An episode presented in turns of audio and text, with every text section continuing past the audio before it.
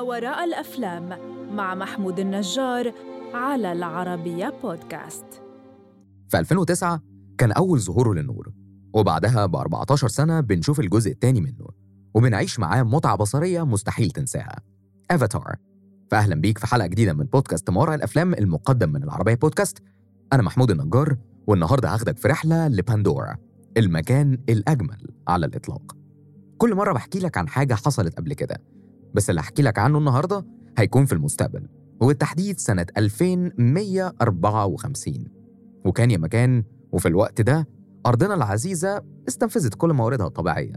وقتها بيحصل الحل المعتاد نبعت بعثة لمكان تاني يكون فيه موارد أفضل نقدر نستغلها ونعيش بيها. ده الحل المعروف للبشرية من قديم الأزل.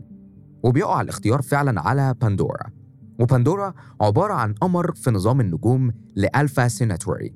واللي بالمناسبة مكان غير مناسب لوجود البشر عليه. كل سكان باندورا بيطلق عليهم اسم نافاي وهم عبارة عن كائنات طولها 10 قدم اللي هو 3 متر ليهم بشرة زرقاء بأجسام رشيقة جدا وبيعيشوا في تناغم وسلام مع الطبيعة. من لحظة ما قلت لك إن البشر ما يقدروش يعيشوا على باندورا علشان كده العلماء بيلجأوا لابتكار ال avatars. وال avatars عبارة عن أشكال هجينة من النافاي يعني هم شبه السكان الأصليين بس معروف إنهم مش من السكان.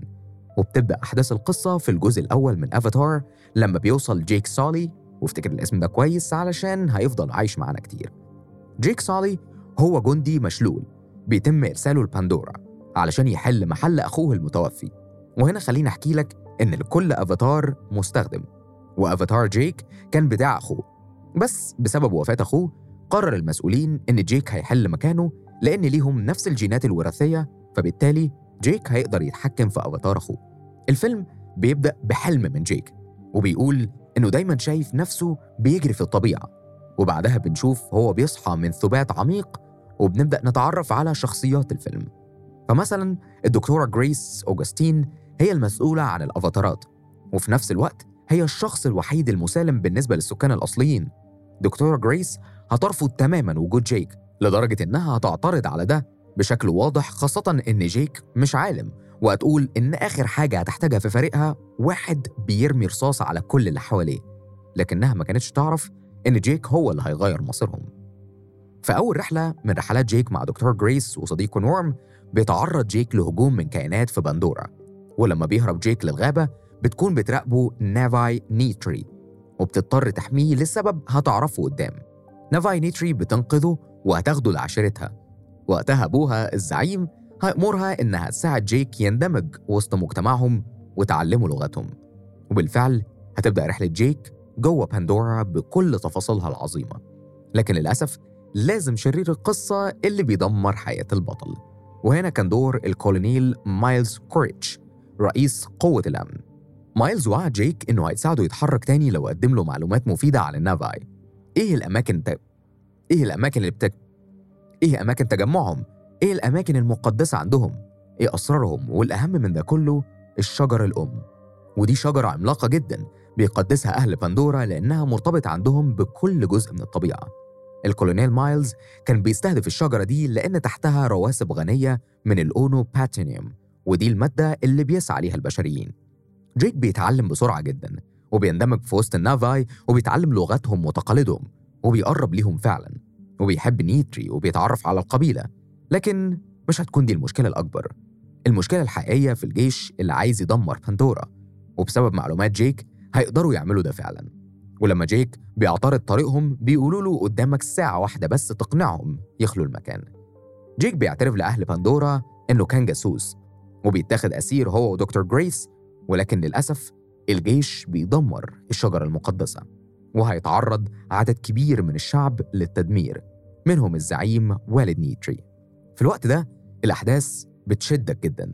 جيك وجريس في قبضة أهل باندورا وأهل باندورا مش مقتنعين ولا موافقين بتصرفات البشر وكمان بيتعرضوا لتهديد كبير جدا. وقتها هيبدأ يظهر شخصيات مساعدة لجيك زي الطيارة ترودي تشاكون اللي هتحمي جيك في الجو ونورم صديق جيك اللي هيحاول يحافظ على جسم دكتور جريس وجيك علشان ما يتعرضوش للقتل ولكن للأسف دكتور جريس بتتعرض للهجوم وبتتصاب فعلا. جيك هيكون موقفه سيء.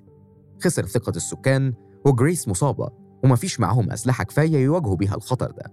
وقتها جيك هيقرر إنه لازم يرجع ثقة النافاي وعلشان يعمل ده بيحقق أسطورة من أساطيرهم وهي إنه يبقى مالك التورك.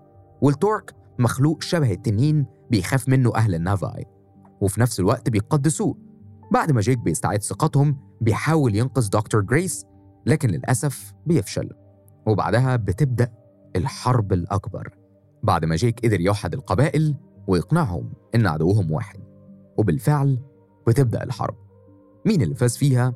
الطبيعة ولا التكنولوجيا؟ الإيمان ولا العنف؟ ده اللي هتعرفه لما تشوف الجزء الأول من فيلم أفاتار ورا أفاتار مبدعين كتير منهم المخرج العبقري جيمس كاميرون وفي نفس الوقت كاميرون هو اللي كتب الفيلم واشتغل على تطويره. قدم دور جيك سولي الممثل سام وورثنتون وفي دور نيتري بنت الزعيم الجميلة زوي سالاندانا تم عرض أفاتار لأول مرة في 10 ديسمبر سنة 2009 في لندن ونزل في الولايات المتحدة في 18 ديسمبر سنة 2009 أول ما الفيلم نزل تلقى مراجعات إيجابية جدا خاصة بسبب الإثارة البصرية لأنك حرفيا بتعيش جوه بندورا من شدة التفاصيل المميزة اللي ظاهرة في التصوير والمونتاج. بس إيه اللي حصل بعدها؟ وليه 14 سنة علشان يظهر أفاتار للنور تاني؟ إيه القصة أصلا؟ خليني أقول لك إن ظهور أفاتار التاني كان أفاتار The Way of Water اللي كان بيحصل فيه هجوم على بندورا تاني من البشر بس المرة دي البشر أقوى ومعاهم أسلحة ذكية أكتر وقائد مؤذي أكتر والمرة دي مش حرب علشان الموارد لا دي حرب انتقام ورد اعتبار في الجزء الثاني من أفاتار بيكون جيك سولي ونيتري عائلتهم كبرت وبقى عندهم أطفال ومع رجوع البشر أو أهل السماء زي ما بيسموهم أهل بندورا بيكون جيك وعيلته في خطر كبير. وهنا بتبدأ رحلتهم علشان يلاقوا بيت تاني يقدروا يعيشوا فيه ويتعايشوا فيه. الفيلم نزل في آخر 2022 ولو دخلت السينما هتشوفه 3D هتعيش تجربة مستحيل تنساها. في النهاية عايز أشارككم أهم حاجتين هتتعلمهم من أفاتار وهتشوفهم بشكل ملحوظ جدا. واحد تكريم المقدس. الموضوع الرئيسي للفيلم هو الطريقة اللي النافاي بيكرموا بيها أرضهم وإيمانهم بالطبيعة وإنها دايما هتنقذهم. اتنين الجماعة دايما أهم. أكتر حاجة بتميز أهل النافاي الطريقة اللي بيعيشوا بيها بتعاون وإخاء. فمثلا في الجزء الثاني لما جه سولي وأسرته راح لأهل الماء يستنجد بيهم علشان يعيشوا هناك. رحبوا بيه على الرغم إنهم عارفين مخاطر ده وإنهم ممكن يموتوا بسبب حمايتهم للأسرة دي. وفي الفيلم الأول اللي أنقذهم كان تعاونهم سوا. حتى لو الحرب مش حربهم لازم يحموا بعض. الفيلم مليان دروس كتير ومتعة أكتر وتفاصيل هتعيشها مع كل مشهد. الجزء الأول عبقري والجزء الثاني أكثر عبقرية. شوف الجزئين دلوقتي واستمتع بيهم واستناني الحلقة اللي جاية بفيلم جديد في بودكاست ما وراء الأفلام المقدم من العربية بودكاست.